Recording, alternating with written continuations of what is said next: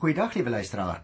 Verlede keer in die laaste program het ek vir jou vertel eh, die agtergrond en so 'n bietjie van die geskiedenis en ook waar die boekie Rut in die geskiedenis inpas in die Ou Testament. Nou vandag wil ek dadelik begin met sommer die eerste hoofstuk uit die boek Rut. Jy sal opmerk die boek bestaan eintlik uit 4 hoofdele en daarom wil ek vandag die eerste hoofdeel met jou behandel. Kom ons lees vers 1 en 2, want jy sal sien 'n mens kan eintlik hierdie hoofstuk 1 ook indeel in 3 uh kort gedeeltes. Die eerste 5 verse bevat die inleiding, dan vers 6 tot 14 as jy aantekeninge maak. Orpa verlaat Naomi en dan vers 15 tot 22. Rut volg Naomi. Kom ons begin dan met die eerste 5 versies, naamlik die inleiding. In die tyd van die leiers was daar op 'n keer hongersnood in die land en 'n man met sy vrou en sy twee seuns het uit Bethlehem in Juda vertrek om 'n heenkomende soek in die gebied van Moab. Die man was Elimelek, sy vrou Naomi en sy twee seuns Maglon en Kiljon. Hulle was afkomstig uit Efrata in Bethlehem in Juda. Hulle het in Moab aangekom en hulle daar gevestig.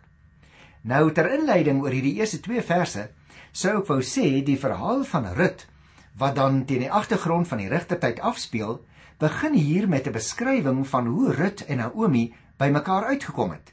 Dit is 'n geskiedenis vol hartseer en persoonlike leed, soos ons nou nog gaan begin ontdek. Jy sien die eerste paar verse, daarin vind ons dan wat genoem word die inleiding eintlik tot die hele boek, nie net vir die eerste hoofstuk nie. Die tyd, die plek, die karakters en die probleemsituasie word in hierdie paar verse bekend gestel. Die krisissituasie waarom dit in die res van die boek gaan, word eers vir ons geteken voordat die boek begin vertel.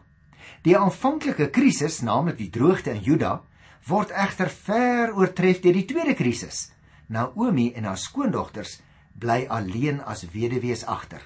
Die noodsituasie bestaan dus daaruit dat die familie van Elimelek gevaar loop om uit te sterf en dit is om hierdie feit dat al die gebeure in die res van die boek gaan wentel die hele tyd. Hierdie eerste 2 verse leer dus vir ons Naomi, haar man en hulle twee seuns het as gevolg van 'n hongersnood in Bethlehem na Moab toe geëmigreer. Dit word spesifiek genoem, het jy opgelet, dat hierdie Bethlehem in Juda was om ook te onderskei van 'n dorp met dieselfde naam in die noorde van Israel. Gaan kyk gerus in Joshua, toe ons Joshua behandel het, Joshua 19 vers 15. Onthou luisteraar, Moab, die buurland van Juda, was op die plateaurand aan die ooste kant van die Dooie See geleë. Omdat die gebied op die plateau 'n hoër reënval as die laagliggende Juda gehad het en ook bekend was vir sy koring en sy haweproduksie, is dit 'n logiese toevlugsoord in tye van droogte en hongersnood.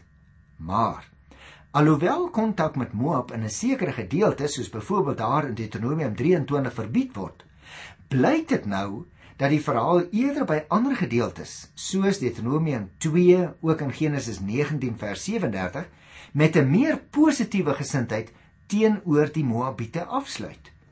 Met ander woorde, daar was nie net vyandskap nie, daar was ook wel 'n bepaalde mate van toegeneentheid is interessant die eerste vers wat vir ons stel die tyd van die leiers. Nou toe ons die boek Rigters behandel het, sy nog onthou, die leiers verwys eintlik na die rigters. Die rigters was geesvervulde leiers deur wie die volk gelei is in die tyd voor die instelling van die koningskap. Die land waarna hier verwys word in die eerste vers is natuurlik Palestina. En nog meer spesifiek word hier van die suidelike deel, naamlik Juda, gepraat. Die belangrikste saak, liewe luisteraar, waarop die tydsaanduiding afstuur was, so staan dit daar, dat daar hongersnood in die land was. Nou vir Palestina met sy onseker reënval was droogte en hongersnood natuurlik geen vreemde verskynsel nie. Van Bethlehem af lees ons het hierdie mense gekom, geleë ten suide van Jerusalem, en daar was 'n man, so staan daar, sy vrou en hulle twee seuns wat vanweë droogte weggetrek het om 'n tydelike heenkome in Moab te soek. Moab tussen hakies is geleë in die Transjordaanse gebied. Met ander woorde as jy na die kaart kyk aan die regterkant van die Jordaanrivier, direk oos van die Dooie See. Die Moabitiese hoogland is vrugbaar en dit kry ook goeie reënval. En daarom is dit veral geskik vir graanverbouing en het dit ook goeie veiding. Die tweede vers het vir ons gesê nou is juis na hierdie gebied toe dat Elimelek en sy familie getrek het. Hulle was afkomstig het ons gelees uit Efrata in die nabyheid van Bethlehem. Net soos ons in die Nuwe Testament lees, nê, dat daar herders was in daardie omgewing van Efrata, direk in die omgewing van Bethlehem wat na hulle skape omgesien het in die nag. Maar goed, kom ons kyk hier by vers 3 tot by vers 5. Toe Naomi se man Elimelek sterf, het sy na twee seuns alleen agtergebly. Die twee seuns het later getrou met die Moabitiese meisies Orpa en Rut. Naomi en haar seuns het omtrent 10 jaar in Moab gebly.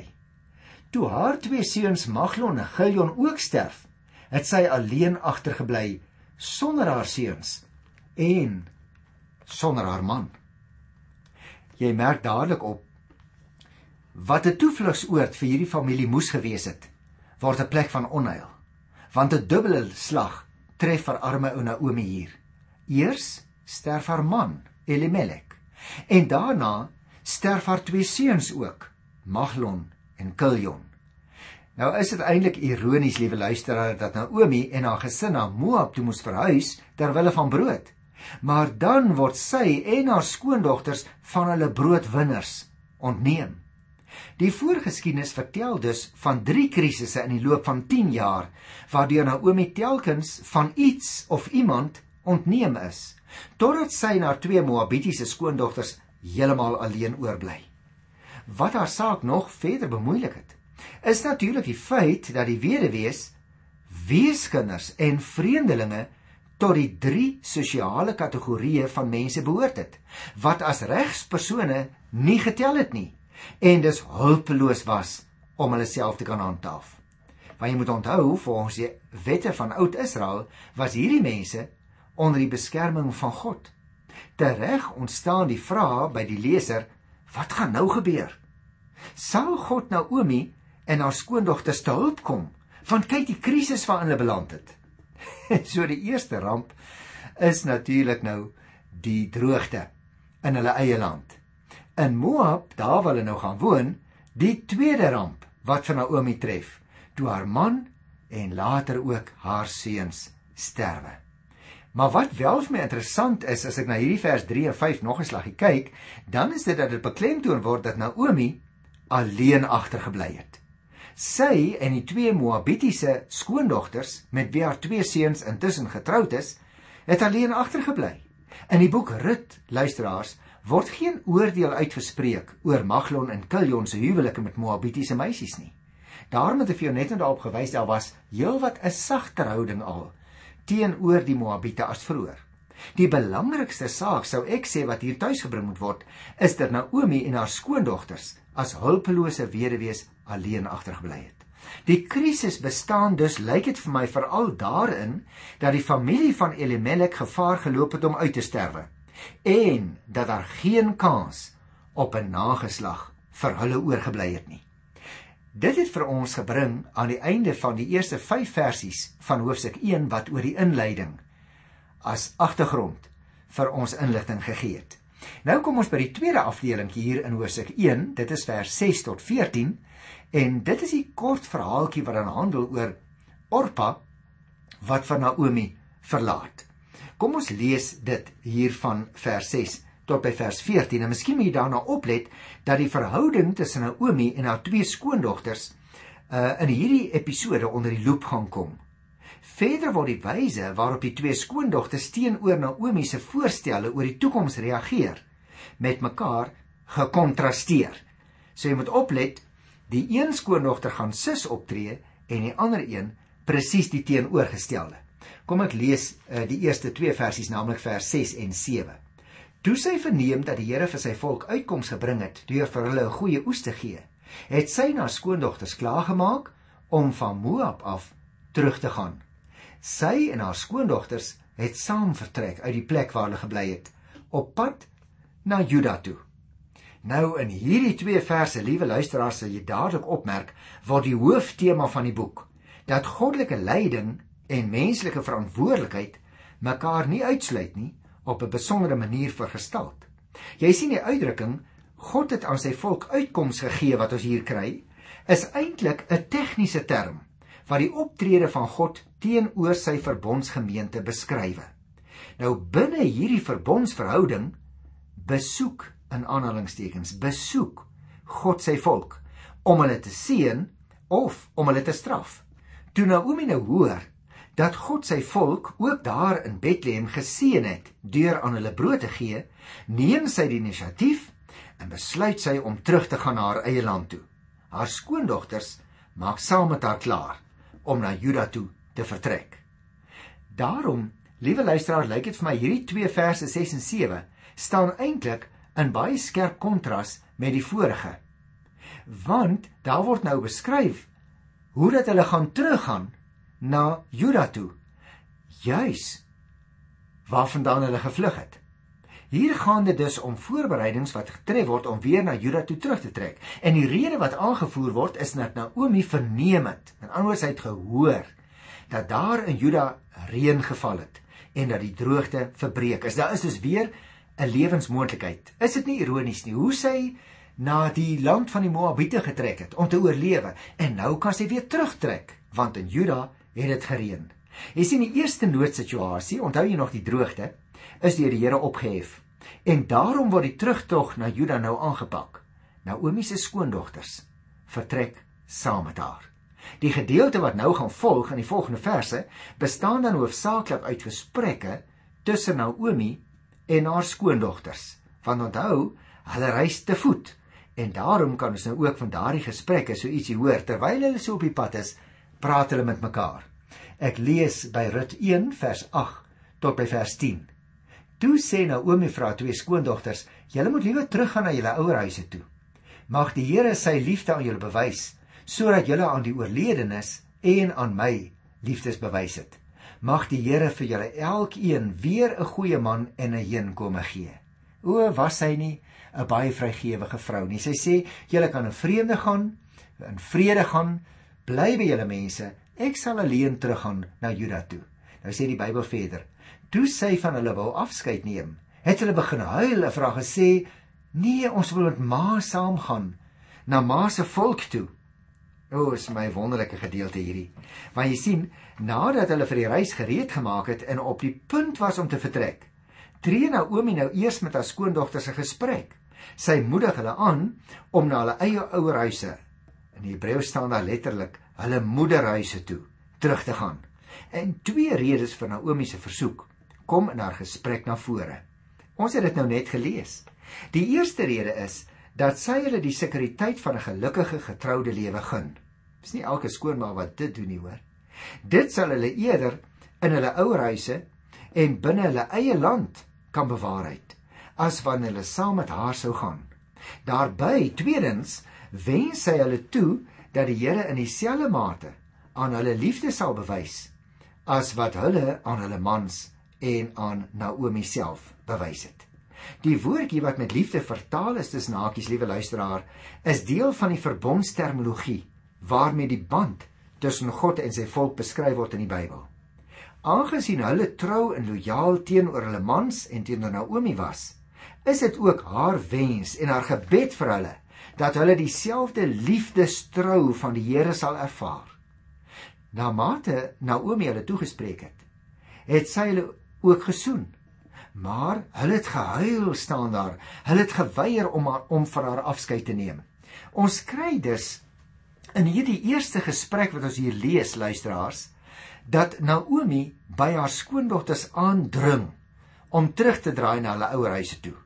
Sy verwag nie dat hulle hulle eie land moet verlaat om saam met haar na 'n vreemde land toe te trek wat hulle eers ken nie.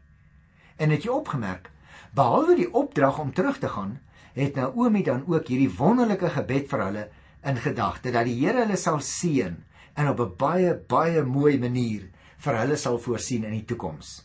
Maar die skoondogters weier om terug te gaan en om te draai na Moab waar hulle gebore is toe. Hulle is bereid om alles op te offer en om saam met Naomi na Juda toe te gaan wat hulle nie ken nie. En dit bring ons dan hier by vers 11 tot by vers 13. Maar Naomi het weer vir hulle gesê: "Gaan terug my dogters. Waarom sou julle saam met my wou kom? Het ek nou enige hoop om seuns in die wêreld te bring sodat julle met hulle sou kon trou? Gaan asseblief maar terug my dogters. Ek is te oud om weer te trou. En selfs al sou ek nog hoop hê vir myself, al sou ek vannag by 'n man slaap, al sou ek nog seuns in die wêreld bring, sou julle kon wag tot hulle groot is? Sou julle julle intussen onderhou daarvan om weer te trou? Dit is onmoontlik, my dogters, nee. Nee, my lot is swaarder as julle sin.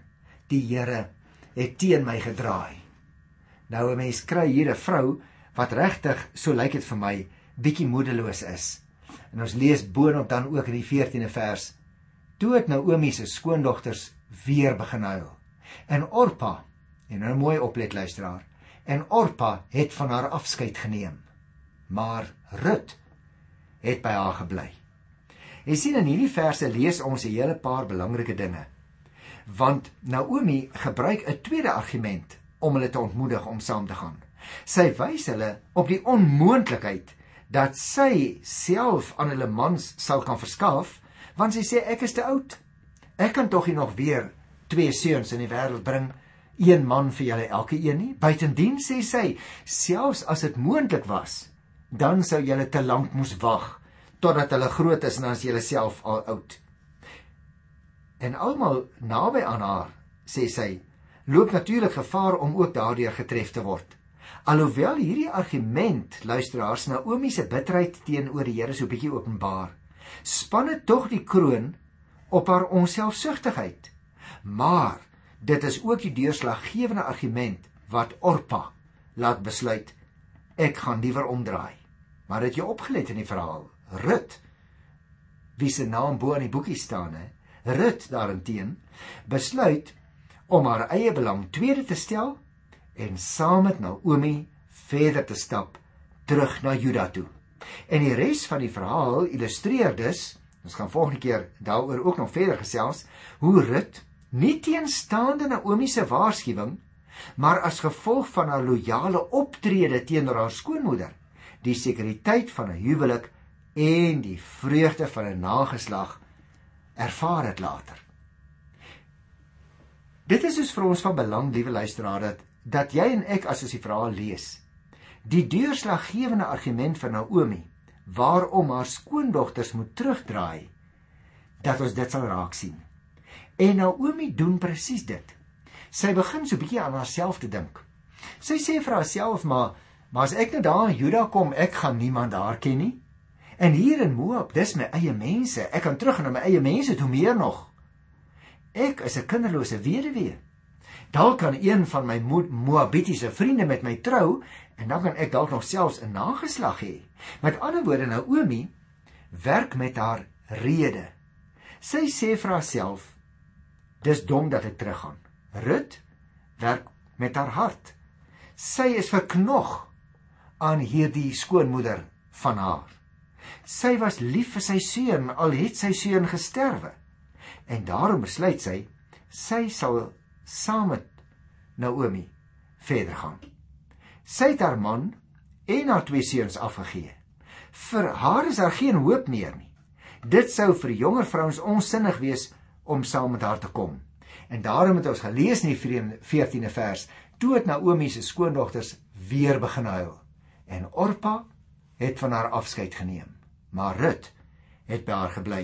En hier sien ons dus die reaksie van die skoondogters.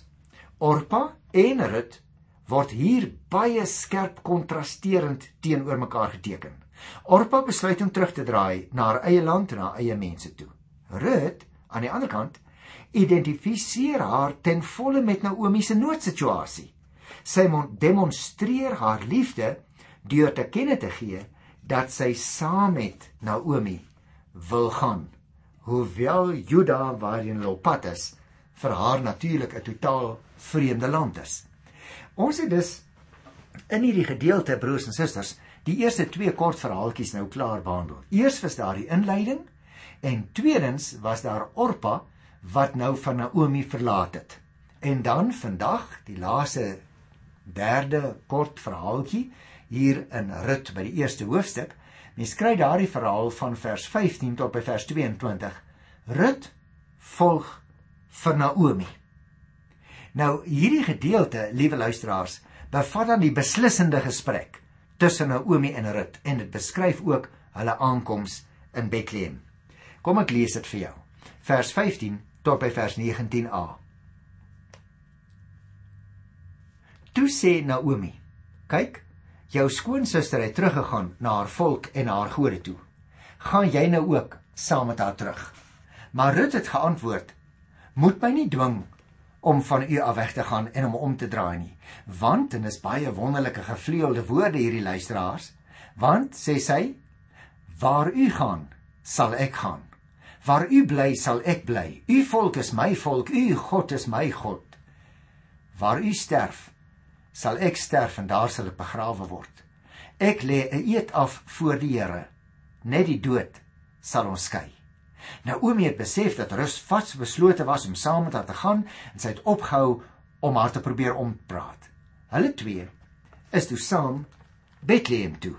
Nou dis baie interessant, liewe luisteraars. Hulle loop die pad want hierdie skoondogter van haar het besluit ek gaan die hele pad res van my lewe saam met my skoonmoeder om haar by te staan. Al is dit sodat ek van my eie mense moet afskeid neem. En dan die laaste paar versies hier van vers 19b af. Met hulle aankoms in Bethlehem was daar groot opgewondenheid in die stad en die vrouens het gesê, "Maar dis mos Naomi." Hierop het Naomi vir hulle gesê, "Moet my asseblief nie meer Naomi noem nie. Noem my Mara, want die Almagtige het die lewe vir my bitter gemaak." Kyk, daar is nog 'n geval van etiologie, né? Noem jy dit in die taalkunde. Die lewe is vir haar bitter en daarom sê sy noem my Mara wat bitterheid beteken in Hebreëse taal. Sy sê vers 21: My lewe was vol toe ek hier weg is, maar die Here het my leeg laat terugkom. Waarom noem julle my nog Naomi? Die Here het dan teen my gedraai. Die Almagtige het 'n ramp oor my gebring. So het Naomi uit Moab teruggekom en Rut, haar Moabitiese skoondogter, was by haar. Hulle het in Bethlehem aangekom aan die begin van die gasoes. Dit blyk dus, liewe luisteraar, dat hier in ook vir ons 'n baie belangrike betekenis in lê. Naomi se aankoms wat uh, eintlik, wat sou ek sê, 'n klein opskuddingkie veroorsaak het daar in Bethlehem, veral onder die vrouens. Naomi kom naamlik terug sonder haar man en haar kinders. En sy word vergesel van 'n vreemde uitlandse vrou wat sy onder haar vleuels neem.